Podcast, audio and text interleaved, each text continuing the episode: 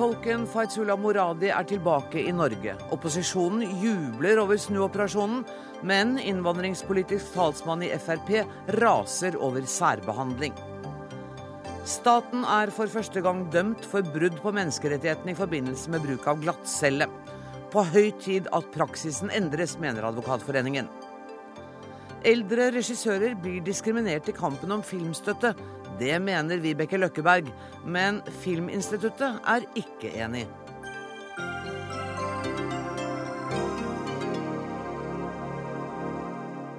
Dette er noen av sakene den neste timen, der vi også skal minnes tidligere Arbeiderpartileder Reiulf Steen, som døde i dag. Men først. I ettermiddag landet tolken Farsula Moradi på Gardermoen en uke etter at han ble sendt ut av landet. På flyplassen ble 22-åringen møtt av presse og jublende Afghanistan-veteraner. Tolken ble sendt ut av Norge fordi reglene tilsa at asylsøknaden hans skulle behandles i Italia etter de såkalte Dublin-reglene. Etter sterke reaksjoner og mye oppmerksomhet snudde regjeringen. Moradi ble kalt til Norge, og nå skal altså asylsøknaden behandles her. Faizullah Moradi, how does it feel to be back? I'm really happy. It was very, very excitement. I mean, uh, I saw all my brothers in army here, and uh, actually, I wasn't expecting this. It was a surprise from them. It was really exciting, yeah. Why was it so important for you to meet the Norwegian veterans today? Because of them, I'm here now. If they weren't uh, supporting me in this case, I don't know where I will be end up in what in which corner of Italy I will be end up now. Uh, it's only an hour since you landed in Norway, and I know there's lots of journalists and you've get, given lots of interviews. Um, how does it feel being you just now? Well, uh, just nine days before uh, from this day, uh, it was only police were escorting me, and now I get back. A lot of surprises, a lot of medias. Uh, it's totally different. I'm really happy. It, it's been fantastic. But even though you're back in Norway, you've not been given asylum in Norway yet. What do you think your chances are? Well, uh, I cannot say anything certainly now uh, because uh, it's a complicated case, I know. But uh, since 21 interpreters been accepted their asylum in Norway, and I'm one of them. For if they compare the presence of the cases, uh, I might be on the top. Okay, we wish you good luck and uh, let you go back to talk to your friends and veterans. Thank you so much, Faisullah Moradi. André Møkkelgjerd, du er juridisk rådgiver i Norsk organisasjon for asylsøkere. Dere feirer også at han er tilbake i landet, men det betyr jo ikke at han har fått asyl her? Nei, vi syns det er veldig bra at han får uh, saken sin behandlet, men uh, det gjenstår fortsatt å se hva resultatet blir. Dere har jo tidligere også vært kritiske til de reglene som ble innført for disse tolkene, og mener at de kunne vært utvidet. Ja, altså I Danmark så har man jo f.eks. gitt uh, visum uh, til disse, slik at de kan komme til Norge og, og søke om asyl. Uh, vi syns det er bra at man tok ansvar og, og faktisk fant en løsning. Men med at 21 av 106 tolker, eller av de ansatte ble, ble gitt en tillatelse, så tror vi nok at det kan være en del andre som også kan være i fare, som ikke nødvendigvis har fått beskyttelse. Som kan, kan ha gjort andre tjenester enn tolketjenester, tenker du, eller er det tolker ja, vi snakker om? Jeg tenker at jeg kjenner ikke vurderingen i de enkelte sakene, så det kan være både tolker og, og andre. Men det er jo ikke alle tolker som har fått uh, opphold. Uh, så, så det, det, er vanskelig å si uten å ha sett uh, sakene konkret. Men situasjonen i Afghanistan er veldig alvorlig. Det er en svært usikker sikkerhetssituasjon.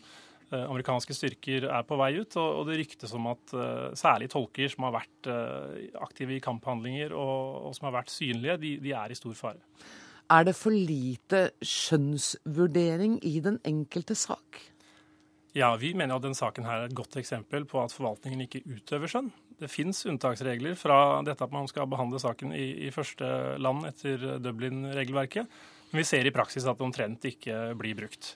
Eh, og Vi har eksempler på f.eks. syrere en gruppe som man da snakker om i dag at vi skal øke kvoten på, de kommer i dag til Norge, får et, et altså avslag når det gjelder å få behandlet saken sin her.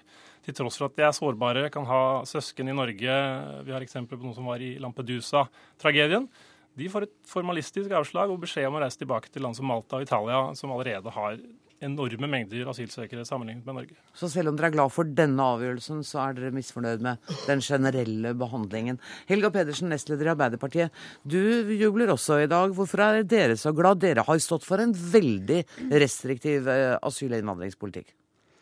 Eh, restriktiv og rettferdig, eh, vil jeg legge til. Eh, og vi fant jo en ordning for lokalt ansatte og tolker som hadde jobba for våre styrker i Afghanistan i fjor.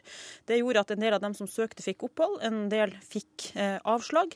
Men det som var viktig, er at man hadde en åpning for å søke beskyttelse i Norge. Og vi sa også på det tidspunktet at her kunne det dukke opp flere personer og flere saker som måtte få vurdert sitt behov for beskyttelse i landet. Tidsbegrensa ordning dere innførte? Det... Ja, det er helt riktig at den eh, ordninga var avgrensa. Mm. Eh, men vi holdt det hele tida åpent at her kunne det komme nye saker. Og jeg mener, og vi har jo eh, innført instrukser og enda, eh, endra instrukser flere ganger i løpet av vår regjeringstid. Og jeg mener det er veldig viktig å ta inn over seg at når virkeligheten forandrer seg, så må man også være villig til å endre på instrukser. Og i Afghanistan sånn, i dag så er det jo sånn at sikkerhetssituasjonen kan endre seg veldig fort.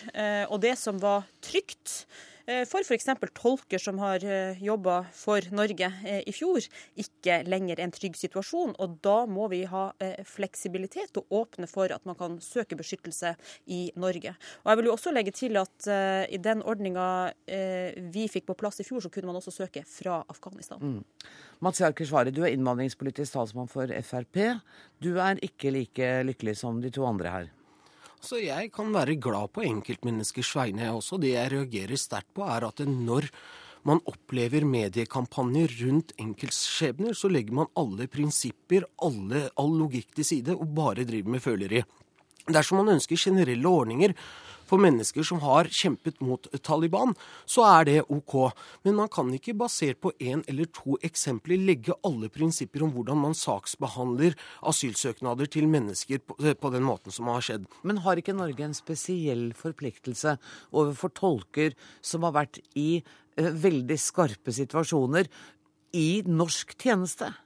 Jo, selvfølgelig. Vi skal behandle asylsøknader til alle, men det skal skje på lik linje som med alle andre. Men, men, men, ja, men har ikke Norge en, er ikke det en annen type asylsøkere når de har vært i norsk tjeneste, i skarpe situasjoner, i en krigstilstand? Det, det, kan være variabelt. Altså, det er jo mange som har bidratt med varer, tjenester og produkter til, til, styrkene i Afghanistan. Det er mange som har vært med på å bekjempe eh, Taliban. Vi har spesialstyrker i Afghanistan nå som trener opp afghansk spesialpoliti og spesialstyrker skal vi ha en ekstra eh, forpliktelse til å gi de også eh, asyl? Eh, hva med millioner av afghanere som har vært med på å kjempe i afghanske hæren, afghanske politiet, afghanske eh, ulike organisasjoner og, eh, og, eh, og, på politisk nivå? Vi vet at noen av de som har vært mest utsatt, er de som har drevet med humanistisk arbeid i Afghanistan. F.eks. opprette egne skoler for jenter, som Taliban med jevne mellomrom dessverre har angrepet på de mest forferdelige måtene. Så, så, så, det er mange som har det vanskelig i Afghanistan. Det betviler verken jeg eller vi i Fremskrittspartiet. Men da må vi ha noen prinsipper. om du også lar deg styre av følelser i denne saken? Eh, nei, overhodet ikke. Og når jeg hører Keshvari her, så skjønner jeg jo hvorfor regjeringa har slept beina etter seg i denne saka, og det mener jeg er dypt beklagelig. Vi har et særlig moralsk ansvar for tolker og andre som har stått side ved side ved norske soldater i meget krevende eh, og farlige situasjoner i Afghanistan. Det er det ene. For det andre andre så handler det her også om å ta vare på norske egeninteresser i fremtida. For også i fremtida så kommer vi til å sende norske soldater ut i operasjoner. Også da vil vi være avhengig av å få hjelp av lokalbefolkninga som tolker eller til andre ting. Men vet du hva, Det er litt rart å sitte og høre deg snakke med sånn voldsom empati om dette. For i dette studioet, da dere var i regjering, så satt jeg med statssekretær i Justisdepartementet og snakket om barn. Hvor da gjaldt ikke følelser, og da gjaldt ikke ikke enkeltsakstenkning eller skjønnsvurdering. Hva er det mener, som er så annerledes nå, bortsett fra at dere ikke er i regjering? Jeg, mener det er, det er, viktig å skille mellom sak og prinsipper. Vi har ikke tatt stilling til om Muradi eller andre tolker skal få opphold i Norge. Men det vi har vært opptatt av, er at tolker og annet lokalt personell skal få rett til å søke om beskyttelse i Norge. I tråd med det vi sto for da vi satt i eh, regjering. Eh, og når det gjelder eh, asylbarn, så har vi også der vært opptatt av av å føre en eh, rettferdig eh, asylpolitikk, legge på plass noen prinsipper. Men heller ikke der kan vi ta stilling til enkeltsaker i media eller på Dagsnytt. Program, programleder, den retten har afghanske tolker på lik linje med alle andre. Det er jo ikke noe egen bestemmelse i norsk forvaltning eller lovgivning for afghanske tolker som gjør at de ikke kan søke om beskyttelse. Hvis de har krav på beskyttelse, så kan de søke om beskyttelse, få sakene sine behandla på lik linje med alle andre. Ja, Men det ble altså si at, avvist med henvisning til Dublin-reglene. Ja, det er riktig, fordi at vi, da, har, vi, vi, har, ratifisert Dublin-avtalen, ja, og det hadde den forrige at, regjeringen også. Så også, du mener at han ikke burde vært kommet tilbake? Jeg mener at man bør følge regler og lover og praksis. Ja, riktig, fordi at det, da må vi endre på det, da, og ha en unntaksbestemmelse. Så jeg reagerer på den råpopulismen til Arbeiderpartiet i denne saken. Hvor, fordi det, det, er ingen endring av praksis under den nye regjeringen kontra den forrige regjeringen når det kommer til behandling av asylsaker fra folk som kommer fra Afghanistan. Og en av de andre sakene rundt disse tolkene som er oppe, rundt en 26 år gammel person, vedkommende leverte jo asylsøknaden sin for over et år siden, og da satt jo ikke Fremskrittspartiet med ansvaret, så det får være grenser på råpopulisme, Helga Pedersen. Så, det her er ikke populisme. Jeg reagerer på den formalistiske tilnærminga Fremskrittspartiet har. Hvorfor gjorde dere ikke noe med det selv, da?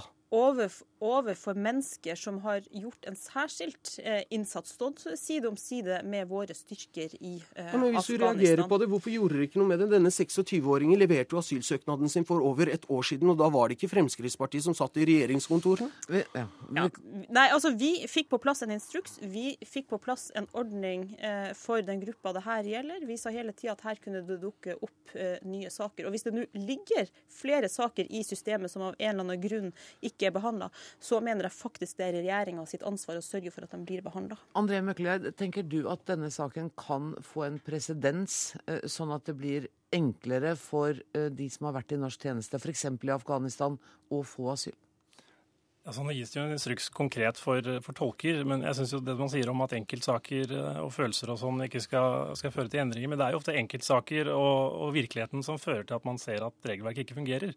Og så kan man velge å finne en veldig snever eh, instruks som skal gjelde for akkurat tolker og, de få det gjelder. Så kan man velge å instruere om hvordan man skal bruke skjønns Eh, altså unntaksreglene og skjønnet i forvaltningen, som da kan gjelde mye flere, som disse syrerne som jeg snakker om. Mm. Så jeg vil utfordre regjeringen til å heller da, hvis de mener eh, løsningen de har funnet nå er for snever og enkeltløsning, så kan de finne et mer generell løsning med det regelverk som er i dag. Og det er jo mulig ikke svaret? Ja, det syns jeg er en ryddig måte å gjøre det på. Vi tar gjerne en debatt på om forvaltningen bør endre sin praksis, på om lover, på om inntakskriterier, på om saksbehandling bør endres.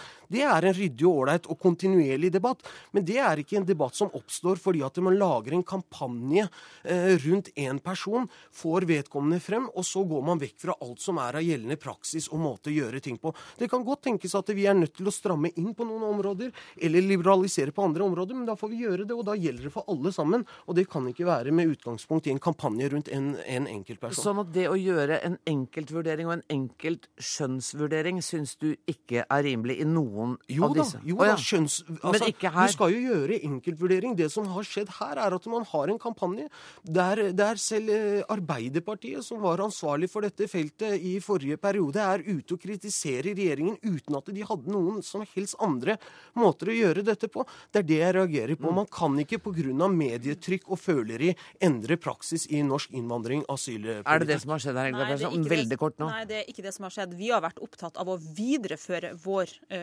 politikk, uh, ikke å innføre helt nye prinsipper. Inntil videre så er altså eh, Faizullah Moradi i Norge og får sin uh, søknad behandlet her. Tusen takk for at dere kom, Helga Pedersen, Mazyar Keshvari og André Møkkelgjerd. Dagsnytt 18 alle hverdager klokka 18.00 på NRK P2 og NRK2.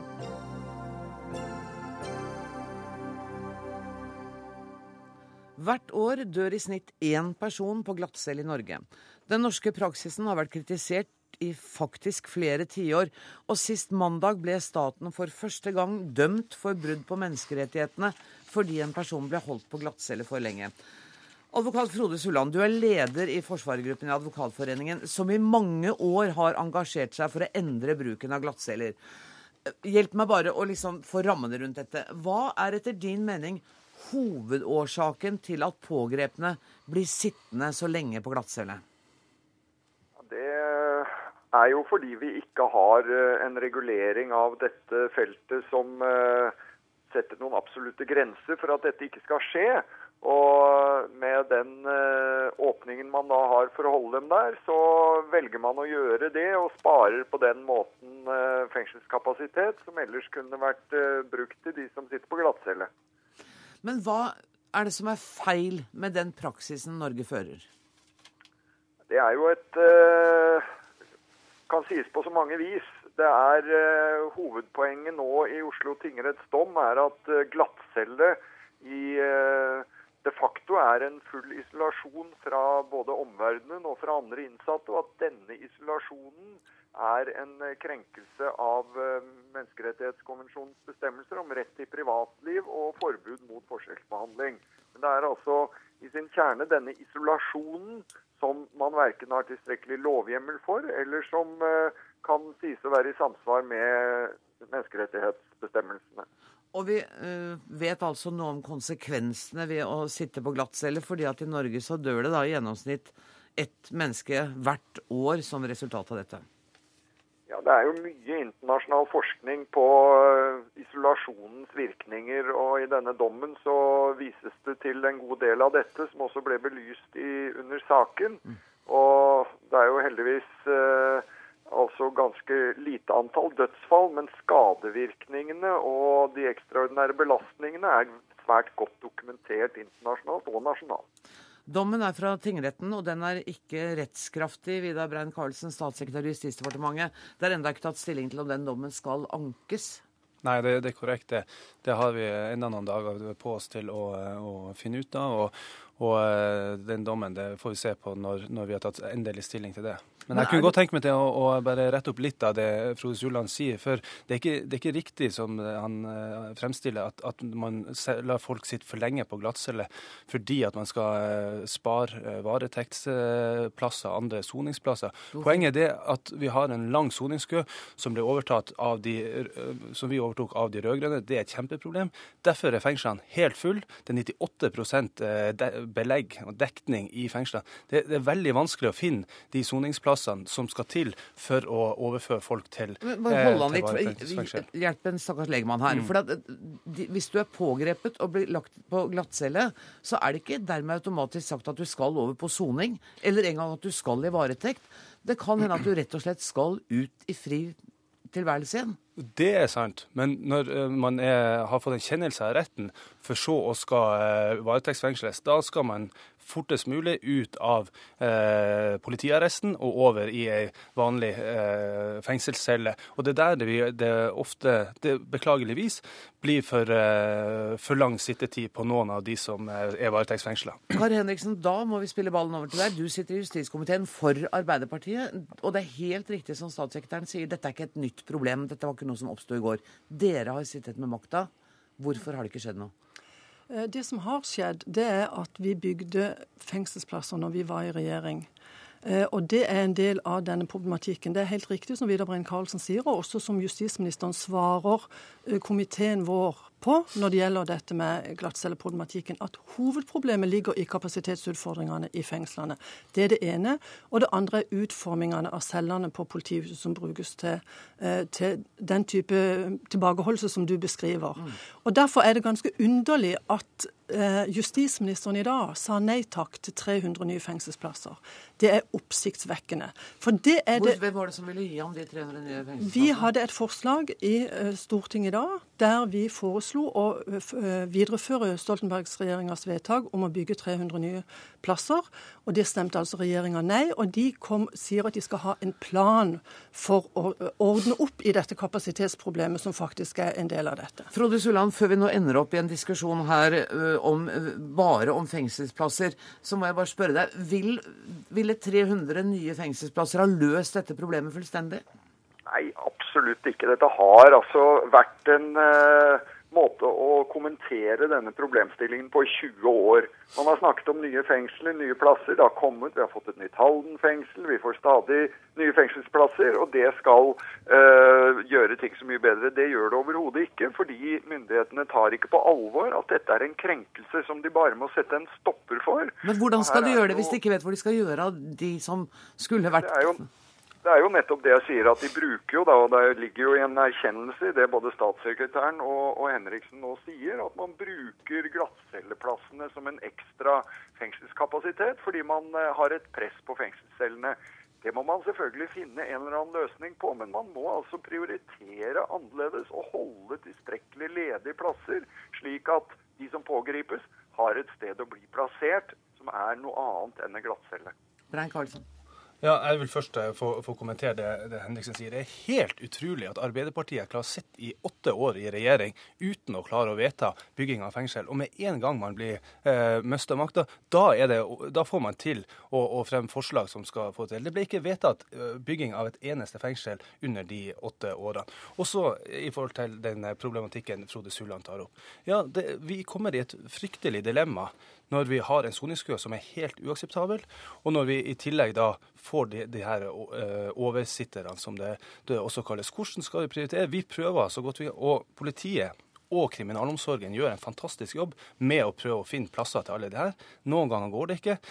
Og så vil jeg også si at det Motstykket til at de ikke får varetektscelle eller blir sittende på glattcelle, det er at de slippes fri. Og her, Vi snakker om kriminelle, og det er ofte alvorlig kriminalitet. det For 30 år siden var det en heftig debatt i Norge om man kunne doble antall mennesker på cella, altså to på cella. Er det ja. noe som blir vurdert? Ja, Det har vi jo allerede innført i år. Eh, og nå kommer Kari Henriksen til å si at det er de som er fryktelig imot. Det skjedde jo også helt frem til 2008 under, under Arbeiderpartiet. Det er en, en mulighet for å få ting til å gå litt raskere med å eh, bygge ned den, den soningskøen som vi har. Kan bare si at Dette er et veldig alvorlig problem. og Vi skal ikke si det her og krangle om hvem som har gjort hva best. Vi må være enige om at vi ikke har gjort en god nok jobb. Uansett hvem som har stått i regjering. Tingretten er klinkende klar på det feltet der. Og det må vi bare erkjenne. Vi har ikke gjort en god nok jobb med å løse dette. Derfor er det andre poenget som vi, skal, som vi har fremma forslag om i Stortinget, det er å se på utformingen av glattcellene, eller politicellene som det kalles. Jeg så at i Fredrikstad har de begynt å gjøre det. Ja, og jeg har Vestfold. også... Hva sa du? Unnskyld, var det Vestfold? Beklager. Ja. Men jeg har også vært på Kongsvinger, og der har de også gjort en del grep i forhold til noen av de cellene. Og det mener jeg er en veldig riktig vei å gå. For jeg er redd for at det forslaget som, som Sulland eh, i hvert fall har snakka om som Venstre fremmer i Stortinget, at det blir um, litt staffasje når vi ikke har de andre tingene på plass. Mm. Og for å løse de andre tingene, så er det altså faktisk denne regjeringen som sitter nå, som har ansvaret for både å videreføre dommen, for å sørge for at vi får nok fengselsplasser, mm. og for at vi får utformet disse cellene på en annen måte. Men det var jo ikke et helt ueffent poeng han hadde med at det var fint å foreslå fra 300 nye fengselsplasser når de ikke har gjort en ting mens dere satt i regjering? Ja, men bare Vi la penger på bordet til å bygge det fengselet som faktisk Fremskrittspartiet utsatte under Bondevik-regjeringa. Bare for å ta den debatten. Kan, kan jeg forresten få lov å, å kommentere litt? fordi at um, Nå hører vi på nytt igjen Kari Henriksen bruker det her forslaget som de akkurat klarte å få frem med det samme de gikk ut av regjering, som løsninga på, på uh, de problemene vi har. Men uh, vi skal huske at forrige fengsel, som Arbeiderpartiet riktignok fikk opp uh, til, til, slutt, det tok ti år å bygge. Så lenge kan altså Arbeiderpartiet tenke seg å vente før vi skal begynne å løse det, det problemet vi står oppe i. Vi tenker at vi må gjøre mye raskere grep, og da benytte den kapasiteten som er innenfor eksisterende murer, og andre raske raske løsninger for å få nye Men, lukka Brein Karlsen, Du sa jo nettopp at ikke det var kapasitet. Det var 98% belegg. Du har sagt nei til 300 nye plasser, og du sier ingenting om hva det vil gjøre med utformingen av cellene. Og det er det som er utfordringen. Men nå har jeg tenkt, nå har jeg tenkt ja, Frode Sulland, vet du hva, det er du som har ordet nå. Ja, Dette viser jo hvordan uh, disse politikerne uh, syns det er mest interessant å, å, krangle med hverandre og prøve å finne hvem som skal være syndebukk i dette. Det er altså en villet politikk at man vil ha behov for flere soningsplasser. Fordi man har sørget for å forlenge straffer på et lang rekke områder, og ikke være villig til å redusere f.eks. narkotikastraffer. Dette er et helhetlig spørsmål. De har ønsket behov for flere soningsplasser over mye lengre tid, og dermed selv vært bidragsytere til dette problemet. Men det er likevel ikke kjernen i spørsmålet om glattceller. Mm. Kjernen der er at man daglig, systematisk og automatisk bryter menneskerettighetene.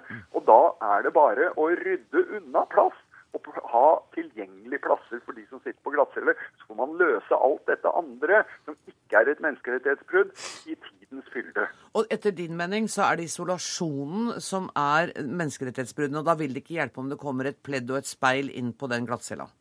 Nei, Det er selvfølgelig ikke på noen måte tilstrekkelig. Det ville også medført et brudd og en eh, dom i Oslo tingrett.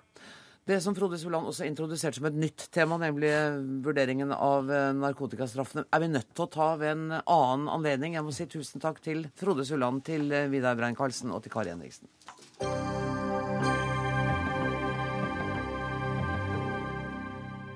Unge Høyre svikter den oppvoksende generasjonen når de er tause i oljedebatten. De må legge mer press på moderpartiet. Det skriver Grønn Ungdom i en kronikk på nrk.no. Og talsperson i Grønn Ungdom, Ingrid Opphaug Dahl. Hvorfor går dere ut mot Unge Høyre? Unge Høyre har, eh, i motsetning til veldig mange andre av oss, en direkte linje inn til regjeringen og muligheten til å påvirke Høyre i klimapolitikken. Eh, det vi foreslår i dag på Verdens miljødag, det er rett og slett å slutte å lete etter olje. Nå? Og nå. Og det vil si at Jeg hadde olje- og energiministeren i studio i går, og han sa Ja, men han snakker om den oljen som allerede er der. Okay. Som vi allerede har funnet. Så vi Her skal bare ikke åpne nye felt? å slutte å leite. Sånn at de feltene som eventuelt da skulle åpnes om 30 år, de leter vi ikke etter. Og der syns dere at Unge Høyre er sinker som ikke er enig med dere i det? Ja, de er i hvert fall sinka når de ikke klarer å se klima- og oljepolitikken i sammenheng. Paul Joakim Sandøy, du er leder i Unge Høyre. Er det det som er problemet, at dere ikke ser sammenhengen? Nei, eh, tvert imot så brukte jo senest Høyres landsmøte nå til å gjennomføre en liten grønn klimarevolusjon. Eh, miljøorganisasjonen Zero kalte det et grønt skifte. Vi fikk vedtatt masse offensiv, moderne klimapolitikk. Men det betyr jo ikke at det vi mener er god klimapolitikk, automatisk er det samme som Grønn Ungdom mener er, eh, god klimapolitikk. Og jeg mener olje er et ganske godt eksempel på det. Vi er enige, altså vi også ønsker oss et samfunn som ikke er, er avhengig av fossil energi. Uh, Oljeutvinninga i Norge er halvert siden 2000. Vi vil ha den helt ned på sikt. Men Eh, vi mener ikke at den beste måten å komme dit på er å skru igjen kranen eller politisk vedta antall mål for å få, eh, som man skal ta opp av olje, eller å eh, politisk avblåse all, stoppe all leiting. Vi mener isteden vi må gjøre det dyrere å utvinne og bruke fossil energi, og så må vi gjøre det billigere å utvinne og bruke mer fornybar energi. Mm. Men, men, dere vil ikke stanse leiting som Grønn Ungdom? Nei, som, som sier, vil ikke politisk gå inn sånn, men det vi vil gjøre, er jo å, å innføre en karbonpris som vil endre profilen helt og, og, lønnsomheten helt på det å utvinne olje. Og så er jo det viktige spørsmålet, og det er et spørsmål som vi skulle ønske Grønn Ungdom var litt mer opptatt av, det er jo hvordan bruker vi alle disse pengene som vi tjener på olje. Og jeg mener vi bør bruke de pengene på klimavennlig teknologi, på fornybar energi, og det er sånn vi vi får til det grønne skiftet, der vi får til økonomisk vekst som er frikobla fra eh, CO2-utslipp. Altså produsere olje, men bruke overskuddet til klimavennlig eh, forbruk? Ja, først vil jeg si at det er ingen som snakker om å skru igjen kranen her. Her er det snakk om en, en sakte, eh, stabil overgang til fornybarsamfunnet. Mm. Eh, og det kan vi få til hvis vi slutter å lete etter olje. Jeg lurer på Unnskyld, om jeg, Du må sette deg litt nærmere, ellers så hører ikke folk hva du sier. Beklager, folkens. Eh, det er sånn at hvis vi skal fortsette å lete etter olje, som vi først skal produsere i 2030, eh, så ser jeg ikke for meg at vi skal klare å bli karbonfrie allerede i 2050. Har du ingen tro på hans forslag om karbonpriser som gjør at jo, markedet til slutt denne, vil slutte å leite? Men hva vil altså- denne karbonprisen, hvis vi tar høyde for den, da? Hvis vi legger det inn at vi skal ta høyde for en karbonpris eh, som skal være innenfor togradersmålet, som er det vi må klare å nå for å redde klimaet. Hva vil det si for åpning av nye oljefelt? Hva vil det si for leiting? Altså Ser uh, du Paul Joakim, for deg at vi i 2040 skal åpne store, nye oljefelt? Er det en mulighet i det hele tatt? Nei, jeg, jeg, jeg tror nok ikke det. Uh, men jeg er ikke plan, for planøkonomi. Uh, jeg mener at vi politikere skal legge inn insentiver og gjøre det mindre lønnsomt med, med olje. Og så skal beslutningene på hvilke felt osv. Eh, tas på, tas på, og utvinningstempo og sånn tas på styrerommene. Eh, men så er det jo et poeng at norsk gass i dag er en del av klimaløsninga på mellomlang sikt. Og det er viktig å ha med seg her. For bare et hypotetisk eksempel. Hvis vi i dag hadde La oss si da at vi hadde slutta å utvinne norsk olje og gass i dag på, på dagen. Eh, det ville ikke hatt en klimagevinst, fordi eh, norsk gass er viktig. Eh, og det ville bare gjort Norge fattigere. Eh, og da er, da er, egentlig et relevant spørsmål til Grønn Ungdom er, for dere har vært imot olje hele tida. Eh, er du i det hele tatt liksom glad for de pengene vi har i dag? Ser du at det er en fordel som Norge har, at vi kan utvikle teknologi, vi kan redde regnskog i Brasil?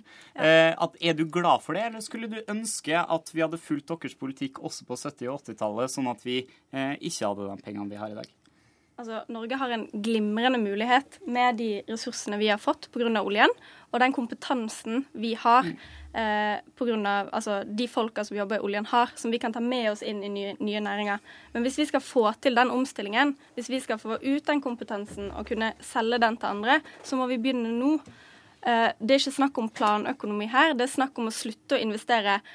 I dag så investerer vi 200 milliarder kroner i oljeindustrien hvert år til mm. sammen. Mm. Det er helt enormt mye penger. De kunne rettes inn mot andre ting. Eh, og det er jo på mange måter planøkonomi òg, det, hvis vi skal bruke det ordet. Mm. Det jeg mener er at det denne debatten illustrerer, og det er egentlig positivt, er at klimadebatten ikke lenger handler om for eller mot klima, eller hvor mye er du for klima. For her har du Grønn Ungdom, som jeg, vet er veldig opptatt av klimapolitikk. Du har Ungere, som er veldig opptatt av klimapolitikk. Men vi har vidt forskjellige løsninger på å løse klimakrisa. Grønn Ungdom står for det jeg mener er en veldig negativ, pessimistisk klimapolitikk, der man egentlig ønsker å ta samfunnet litt tilbake. Man er mot økonomisk vekst som konsept, noe jeg mener bare er ekstremt usolidarisk solidarisk og bakstrebersk. Man vil øke klimafiendtlige landbrukssubsidier osv. Mens vi står for en litt annen positiv, markedsvennlig klimapolitikk. Med en tillit til at markedet kommer til å reagere positivt, sånn som dere vil, på de politiske stimulansene ja, som dere gir. For meg så virker det som Pøl Joakim nå ikke har troen på markedet. Fordi vi ser internasjonalt at f.eks. prisen på sol går ned eh, og, og, begynner å konkurrere med fossilt mye raskere enn det det internasjonale eh, energibyrået trodde at den skulle gjøre. Mm. Eh, vi ser at endringen skjer, og Norge vi skal fortsatt investere massivt, feilinvestere massivt, i leiting etter olje, som vi kanskje skal utvinne i 2040. Og, og hvis vi gjør det i 2040, ser du for deg da at vi skal klare å nå Nei, men det, mener, det, er ikke opp til meg å bestemme. Det, mener, det mener jeg er kjempepositivt, og vi vil forsterke den effekten og gjøre det enda mer lønnsomt med alternativ energi. Det vi er imot, er at man politisk skal gå inn og stoppe eh, og på en måte overstyre. Det man skal gjøre, er å bruke markedet, legge markedet eh, til rette for, eh, legge til rette for at man kan velge miljøvennlig og utvikle miljøvennlig. Og noe av det viktigste der er f.eks. at når vi har tjent så mye penger som vi har på olje, så bruker vi dem på klimavennlig teknologi. En annen ting som er viktig, som, som er også en mer sånn høyere løsning på, på klimakrisa, er at vi legger om skattesystemet fra å være rødt til å bli grønt. Eh, det vil si at det blir eh, billigere, og, altså du skal betale mindre skatt for å arbeide og arve og den type ting, og skal bli dyrere å forurense. Poenget er at det her er en sammenheng, og det er at man legger rammene sånn at markedet kan gjøre jobben, sånn at vi kan få til en økonomisk vekst som kommer de fattige land til gode, som er frisluppet fra eh, klimautslipp. Jeg må gi Ingrid Opphaugdal siste ja. ord her. Det som er saken her, det er at konsesjonsutdelingene, altså leitetillatelsene, de gis gjennom Stortinget. Det er et politisk spørsmål, det er ikke noe som tas på styrerommene. Å gi et signal til norsk olje- og gassindustri i dag, tidlig nok til at om en stund, ganske lang stund, vil det ta slutt. Vi må over på noe nytt. Vil det være godt, og det vil sette gode rammer for omstillingen. Tusen takk for at dere kom, Ingrid Opphaug Dahl, Grønn Ungdom, Paul Joakim Sandøy, Unge Høyre.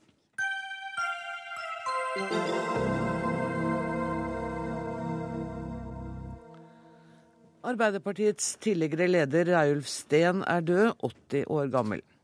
Partisekretær Raymond Johansen, velkommen til Dagsnytt 18. Takk for Kondolerer. Takk for, det. for deg var nemlig Reiulf Steen mer enn en partikamerat. Ja, han var min svigerfar også. Hvordan var han som svigerfar? Nei, som uh, svigerfar så var han uh, en uh, nær og fjern person. Uh, det var en fantastisk for meg, eh, som på en måte har valgt å drive med noe av det han gjorde og via livet sitt til. Å ha han som eh, mentor, som samtalepartner, kunne tenke høyt og eh, ta opp mange ting. Som var så godt oppdatert og så klok. Brøy seg egentlig aldri, men var alltid oppmuntrende og har betydd veldig mye for meg. Var han en god lytter? Han var en uh, god lytter, og han, uh, med sin lange erfaring så visste han jo også når han var på innsida og utsida. Fordi at uh, det var noe liksom med å betrakte ting fra utsida, og kunne være selvfølgelig kritisk til denne kompromissvillige svigersønnen som kanskje gikk litt for langt i en del ting. Men samtidig jeg ser det for meg. Ja, det, det, det, tror jeg er riktig. Og, men samtidig med all den respekten du har for at du, når du noen ganger sitter på utsida og kanskje ikke ser hele bildet eller har hele komplekset klart for deg, og det visste han jo i og med at han gjennom så mange år sjøl har uh, sittet på innsida. Da. Mm. Var han, Syns du han var annerledes som familiemann enn han var som politiker? Han var en veldig sånn helstøpt person og kom jo fra en generasjon hvor partiet, politikken, saken, ideologien betydde alt. Og uh, betydde veldig mye. Og det å leve i store problemstillinger, ideologien, bekymra for verdenssituasjonen, bekymra for utviklingen i Norge, det tror jeg han følte nærmest fysisk. Mm. Uh, og levde veldig tett med det når det gikk veldig dårlig. Så for kanskje partiet eller saker han hadde tro på, så tok han det veldig, veldig personlig. og EU-kampen var tung for ham, eller resultatet? EU, det, den, var, den, var, tung for mm. han, og den betydde veldig mye. Eh, den relasjonen, forholdet jeg hadde til han da, betydde veldig mye. Også for å forme mitt syn på Europa, et radikalt Europa. Eh, og eh, de diskusjonene har vært sjelsettende. Mm. Det Så sterkt uttrykk vil jeg bruke for det. Og Raulf var jo en ideolog, vet du. Mm. Og som Han var noe så, på en måte så sjelden som en veldig boklærd, ikke høyt utdannet person. Og uh, brukte mye tid på å diskutere litteratur. Uh, I tillegg som et inngang til, til politikken og filosofien. Uh, og det tror jeg har vært, vært veldig, veldig, viktig. Og noen ganger så tar jeg meg det at han noen ganger siterte Pablo Neruda, mm. som sa det at han eh, hadde tilstått at han hadde levet. Og jeg tror noen av oss som kanskje kan bli litt glatte, forutsigbare At vi har alle våre folk rundt oss. At både den sårbarheten og det tydelige mennesket han våget sjøl å være, er, et, er kanskje en mangelvare i, i, i norsk politikk. og mm. Det, det, skal jeg ta med meg. Ja, det å tørre å vise fram sårbarheten, som man ja. jo gjorde i bøker og, og i intervjuer. Eh. Ja, og jeg bare eh, ser gjennom dagen hundrevis, hundrevis av, av hilsener og uh, av mennesker som har betydd mye for han. Uh, betydd mye for dem. At han har vært nær dem. Det har varmet veldig. Og det er jeg helt sikker på også har varmet min svigermor veldig. Eh, for å se det at han betydde mye for mange. At han også gjennom å vise sin menneskelighet og, og sårbarhet var et, uh, i sum et veldig helstøpt menneske. Hvordan har denne dagen vært?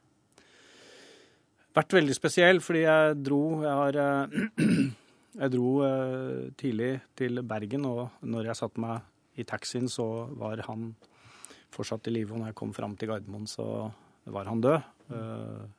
Men jeg skulle på et arrangement i Bergen tilknyttet 22.07, som det var vanskelig å, å, ikke være på. Eh, så det har vært en eh, Nå var han syk de siste dagene, så det var jo ventet at han, eh, at han hadde kort tid igjen. Mm. Vært en, en veldig spesiell dag. Varmet med alle kondolansene. Men samtidig smertefullt, for du vet at vi har hatt vår siste samtale. En epoke er eh, over. Per Arne Bjerke, du er politisk journalist her i NRK. Du har fulgt eh, Arbeiderpartiet tett som journalist i mange år. En epoke er over i Arbeiderpartiet også, med Raulf Steens død. Ja, det er jo det. For klart Han representerte sin tid, og han var jo toneangivende gjennom mange, mange år. Jeg sitter og tenker på i dag hvordan var han? Han var jo veldig sammensatt. Han var som Raymond var inne på, han hadde bare folkeskolen. Samtidig er han en av de mest kunnskapsrike politikere jeg har møtt og intervjuet. Mm. Og han var ideolog, han var visjonær. Han kunne holde flammende innlegg i Stortinget eller i partiforsamlinger. Som en fantastisk taler. Som regel uten manus, og du ja. kunne ikke unngå å bli revet med. Og Samtidig så vet vi også at hans lange karriere hadde noen veldig mørke og dype dalbunner. Ja, Og han var en kontroversiell person òg i politikken? Det er klart han var kontroversiell, men samtidig så var han jo også en brobygger. og Det som jeg syns er viktig å få fram i dag, er at eh, han spilte en helt avgjørende rolle i 1972 etter at eh, Arbeiderpartiet hadde tapt EU-avstemningen. Partiet lå med brukket rygg. Og Reiulf Steen var helt sentral i arbeidet med å forene de ulike fløyene. For selv om han selv var en glødende EU-tilhenger, så snakket også nei-siden med ham. og jeg vil si at Reiulf Steen bidro til å holde venstresiden inne i Arbeiderpartiet, og banet dermed veien for det gode valget i 1977, hvor partiet fikk 42 så vidt jeg husker, over 42% av stemmene. Men du, Hvor mye har det preget ham at han i en alder av 32 år ble nestformann i partiet? Håkon Lie var partisekretær. Eh, Trygve Bratteli så jeg husker, var partiformann. Og i dette skulle den unge Reiulf Steen jobbe. Hvordan var det? Ja, det preget ham jo veldig. Han er jo også inne på dette i en av bøkene sine, hvor vanskelig han syntes det var. Det var jo ikke minst forholdet mellom Gerhardsen og, og Håkon Lie som jo plaget ham. og jeg, så vet at På et av møtene forteller Reiulf Steen et sentralstyremøte, så fikk han så fysisk vondt av forholdet mellom de to at han forlot møtet. Han orket ikke å sitte der lenger. Så det er klart han hadde det tungt, men han prøvde å bidra da til å holde partiet samla. Men det var jo en vanskelig oppgave for en ung mann å komme inn mellom disse to gigantene i, i norsk politikk. Var han en konfliktsky mann, Ravan Johansen? Han var en ettertenksom mann og en intellektuelt veldig redelig person. Og han var vel litt som hertug Skutle. Han var en tviler. Han var ingen eh, skråsikker person. Eh, og ofte i politikken så kan det noen ganger være en styrke ved å tvile seg fram til det rette standpunkt, men noen ganger så kan det også være uttrykk for en, for en svakhet som skaper problemer for deg sjøl. Og han var vel kanskje den siste av partitoppene som kom fra fabrikkjobbing på gulvet, Per Arne Bjerke? Ja, han var. Han kom jo rett fra fabrikken til politikken. Og den gangen så hadde vi jo Reiv Steen, vi hadde Torbjørn Berntsen, vi hadde Finn Christensen, vi hadde Gunnar Berge. Nå er det ingen igjen av dem, og det skyldes jo ikke minst den utdanningspolitikken som Reiv Steen selv var med på å kjempe frem. Mm. Tusen takk for at dere kom i studio, Raymond Johansen og Per Arne Bjerke. Hør Dagsnytt 18 når du vil. Radio NRK Radio.nrk.no.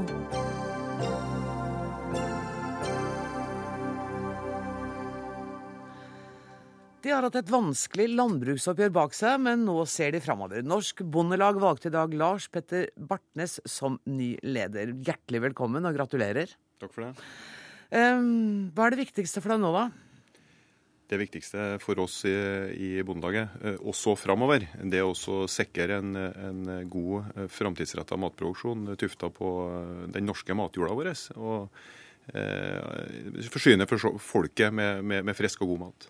Det er det samme som jeg har hørt uh, den tidligere lederen si. Det, det blir ikke noe korrekt. linjeskifte her, altså? Det er helt korrekt. Årsmøtet har hatt en grundig gjennomgang av posisjonene og, og konkludert det vil ikke være store skifter sånn som det løpet er lagt nå.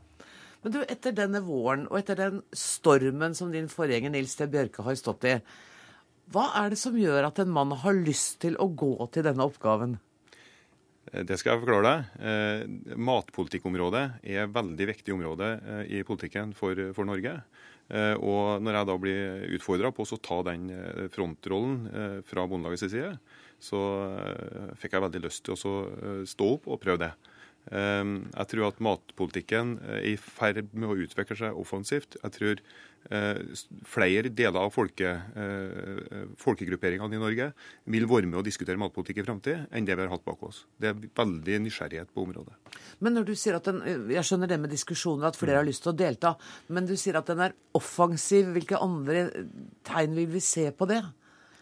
Altså Det offensive i mitt perspektiv, det er også sikre at vi altså Det er jo et internasjonalt tilsnitt her òg. Eh, mat eh, det har fram til i dag vært en selvfølge. Jeg tror det vil fortsatt framstå som en, en robust matsituasjon i Norge. Men, men, det internasjonale tilsnittet er jo at vi, vi, må delta i å produsere mest mulig mat også i Norge. Eh, og da på, på de ressursene vi har, altså den norske matjorda. Det har vært helt åpenbart konfliktfylt forhold mellom Bondelaget og sittende landbruksminister. Er det noe Bondelaget kan gjøre for å bedre det samarbeidet i framtida? Vet du, jeg, eh, jeg, registrerer jo at eh, vi er uenige på en, en god del områder. Eh, men samtidig så har vi et sammenfallende mål, og det er bekrefta i årsmøtet hos Bondelaget i dag fra landbruksministeren. Mm, for hun var på det, besøk hos dere? Hun var hos oss. Og, og, det går rett og slett på det at hun er veldig tydelig på at hun skal produsere mer mat i Norge mm. enn en vi er i dag, og i tråd med den befolkningsveksten som vi har. Så der er dere enige? Ja, det er plattformen vi skal jobbe med videre. Og så er jeg helt sikker på at vi må diskutere fortsatt virkemidler virkemiddelbruken og avklare retningene og prioriteringene i forhold til det. Hvordan kommer medlemmene i Bondelaget til å merke at de har fått en ny leder? Ehm, jeg er litt usikker på om at eh, medlemmene i Norges Bondelag kommer til å merke det veldig eh, sånn umiddelbart. Eh, men Nils har sin måte å løse vervet på. Jeg er nå Lars Petter og kommer til å bruke mine evner i forhold til det. Er du en ledertype eller en samarbeids- og gruppearbeidsmann? Jeg liker å ha framdrift, jeg liker å, å skape utvikling. Og team, det er helt avgjørende for meg. Samarbeid, det, det er en viktig eh, sak. Eh, og det vil jo du bli utfordra på ganske mye i tida som kommer. Vi ønsker jo veldig gjerne også samarbeid med, med flere av, av samfunnslagene. Eh, type andre organisasjoner som også har interesse i matområdet. Og det, mm. det har jo Nils jobba godt med, og det skal vi videreføre. Det eh, jordbruksoppgjøret som Stortinget skal vedta 17.6, på en skala fra null til ti, hvor fornøyd er du med det? Eh, Innretningen av oppgjøret er Norges Bondelag eh, ikke helt fornøyd med. Eh, det kan vi være veldig tydelige på. Altså Innretningen i forhold til at eh, det vil over tid med den retningen føre til at mer dyrka jord går ut av drift. Man vil samle mer produksjon etter hvert på sentrale områder, der at det allerede i dag er kamp om dyrka jorda. Mm. Og, og, jeg tror ikke at det er en, en riktig, jeg tror ikke det er en lur retning å gå skal vi produsere mer mat i framtida. Vi må bruke dyrka jorda der den ligger. Pernille Husby, du er politisk redaktør i Avisa Nasjonen. Hvilke utfordringer eh, ser du at han har?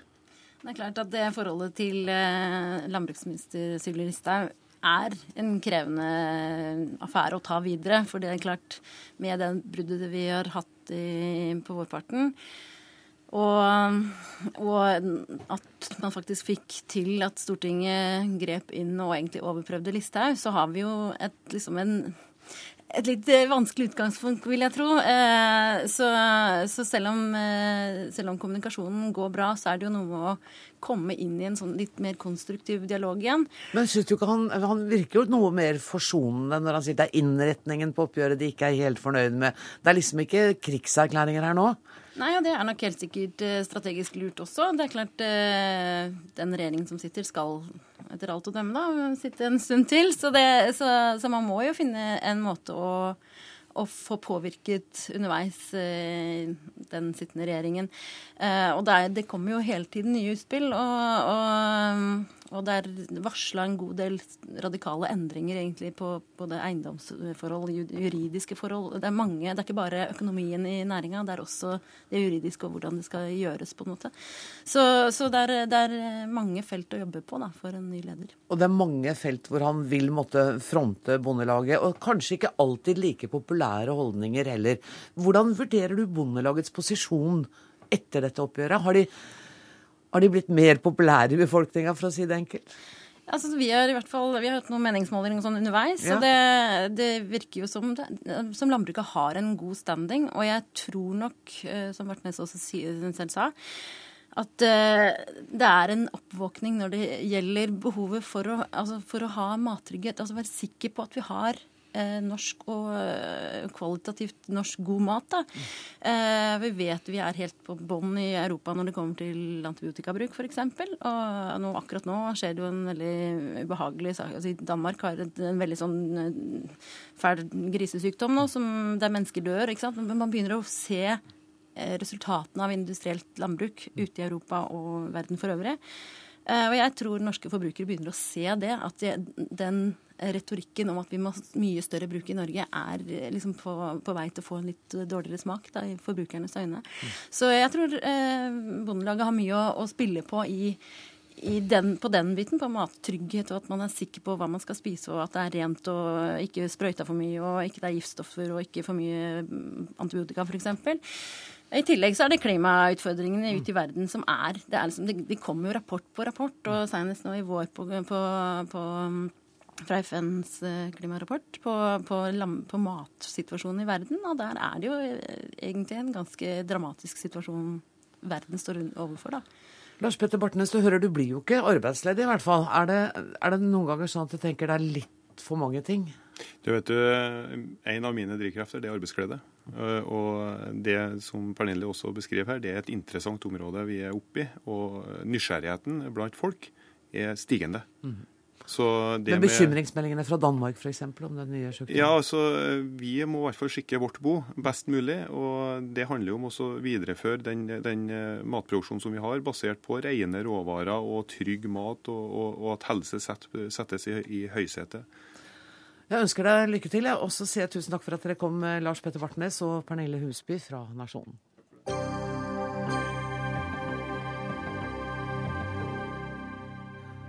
Eldre regissører blir gjemt vekk i en skuff når filmstøtten skal deles ut. Det sier Vibeke Løkkeberg til Klassekampen. Avisa melder om at siden år 2000 har det faktisk blitt laget flere enn 250 spillefilmer i Norge.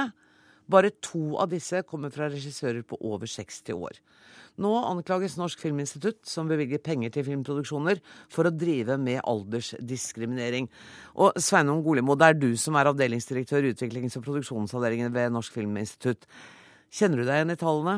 Har du litt dårlig samvittighet? Eh, det er veldig interessant å se de tallene, og det, det gir, gir, oss absolutt noe å tenke på. Ehm, eh, men jeg kjenner det ikke helt igjen i forhold til den situasjonen som er nå. Altså, Eh, vi har jo bl.a. Eh, Liv Ullmann som kommer med en film i høst. Eh, vi har, har jo også hatt dokumentarfilmskapere som Anja Breien Eller dokumentarfilmer lagd av Anja Breien og, ja, og, og, Vibeke Løkkeberg, som er lagd de siste årene. Ja, Men det er også dokumentar? Det er altså dokumentar. Men selv om, men vi har også, selv om du nå tar med Liv Ullmann, så er vi oppe i tre da, av 250. Mm. Ok, og jeg vil bare bemerke at Ikke av 250 filmskapere. Nei. Liv Ullmann har virkelig slåss for å komme til det prosjektet hun har fått nå.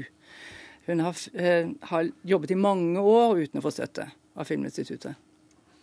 For eksempel, men det var, det var kanskje det, ikke du, det. Vibeke Løkkeberg som sa. Jeg, må, jeg rakk ikke å introdusere deg, for du bare kastet deg på. men er det litt slik at, uh, at uh, kompetanse og erfaring ikke er helt verdsatt hos dere? Eh, kompetanse og erfaring skal absolutt være viktige kriterier i vurderingen av, av prosjektene eller av søknadene når de kommer. Eh, men det er da prosjektet som helhet som blir vurdert, og, og, og, og det inneholder da alle disse elementene. Har Vibeke Løkkeberg søkt i det siste? Har du det, Vibeke Løkkeberg? Jeg har ikke søkt det siden 96, eh, fordi da skjedde en omveltning hvor produsentene fikk all makt. Og eh, regissørene i det prosjektet jeg søkte, da tok han alle de kunstneriske premissene. Og jeg var ikke enig med dem, så hele prosjektet ble nedlagt. Så du har ikke har, søkt på nesten 20 ikke år? På de. Nei, så jeg snakka ikke min sak her nå. Nei. Men jeg kan jo bemerke at jeg har prøvd å tilnærme meg Eh, men da har svaret vært slik at eh, vi snakker ikke med regissører. Eh, du må finne en produsent som du kan få til å snakke med deg på prosjektet ditt. Og så sier han men jeg er også produsent, jeg har produsent. Ja, finn en annen produsent. Altså, ja, men jeg har et manus som jeg selv har skrevet. Nei, få heller en forfatter til å skrive manuset ditt. Ja, men jeg har skrevet fem bøker. Nei, men altså, finn en sulten elev oppe på Lillehammer som kan hjelpe deg å skrive. Altså, sånn blir jeg svart. Mm. Det var min erfaring. Anja Breien har sikkert andre erfaringer. Liv Ullmann har ikke minst. Hun har jo opplevd utrolig sabotasje. Men, men nå er ikke Liv Ullmann her, så vi holder dere utenfor. Men, men, er det en konflikt? Er det blitt en større vektlegging av produsentrollen i forhold til regissør? Er Vibeke Løkkeberg inne på noe her? Ja, det har jo skjedd flere ting over, over, flere år. Og det er ikke noe tvil om at produsentrollen også har blitt vektlagt mer eh, enn det enn var før. Det er også eh, Norsk Film AS, som var en statlig produsent, har blitt lagt ned, som, som jobba og, og aktivt med å finne regissører og ha et repertoar eh, som, som, skulle være representativt på, på et nivå. Eh, sånn som ordningene fungerer nå, så, så har man da en, en ordning som heter eh, altså kunstnerisk vurdert film, der du har to konsulenter som vurderer, og de har ikke noe repertoaransvar. Hva Eh, betyr det? Nei, så de, de skal jo da vurdere de Av de søknadene de får, så prioriterer de eh, prosjekter i forhold til det de mener er kvalitativt eh, høyest opp. Ok, Så du mener da at den gruppen Unnskyld at jeg tar Det ordet helt i selv. Altså, vær du mener da at den lille gruppen av f.eks. kvinner Dette er jo dobbeltdiskriminering. Det er aldersdiskriminering, det er kunstnerdiskriminering. Og det er diskriminering overfor autører av ø, den eldre gruppen som vi representerer, og av kvinner. Eh, Så det kan jo ikke være slik at vi er de eneste som faller utenfor denne gruppen av kompetanse. Og når du sier f.eks. i Klassekampen at eh, dere satser på prosjekter, ikke på regissører, så kan jeg jo bare nevne at du har det har en ordning som sier at du skal få lage tre filmer, for du er så flink, og vi behøver ikke lese manus engang. Vær så god, tre filmer er dine. Sånt. Ja. Hvorfor ringer dere ikke opp til oss og sier noe sånt? Her skal dere få lage tre filmer. Dere er så gamle nå at dere trenger en film. Vi trenger en film av dere. Er noen som har vondt i knærne, noen som ikke skal finne seg sjæl.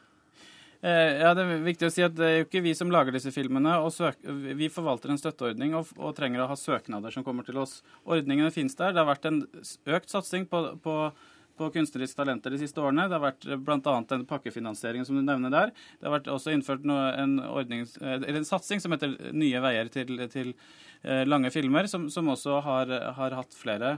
Den har jeg søkt på mange ganger. Jeg får aldri støtte men, du, men, men sier du at det, er helt, altså, at det er helt tilfeldig at dere rett og slett ikke får noe særlig søknader fra filmregissører over 60 år?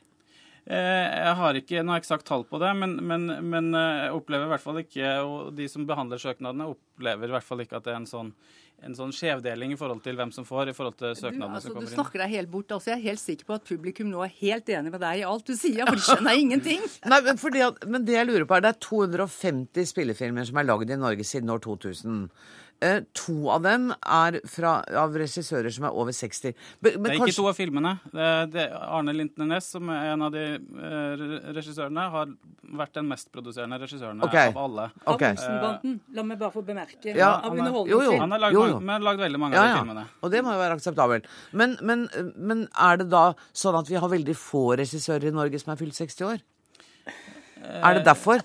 For det Ja, kunne jo være en forklaring. Ja, altså det, i hvert fall eh, så, så har vi eh, ikke opplevd at det har blitt, eh, blitt diskriminert sånn som, som vi ser det. Og Det er jo latterlig å vi har- høre. Vi sitter jo her. Jeg mener, jeg kan snakke for alle som er over 60 år i Norge i dag, som var autører en gang, om Mm. at vi er ikke interessante for denne eh, søkeren her, eller de som har vært tidligere.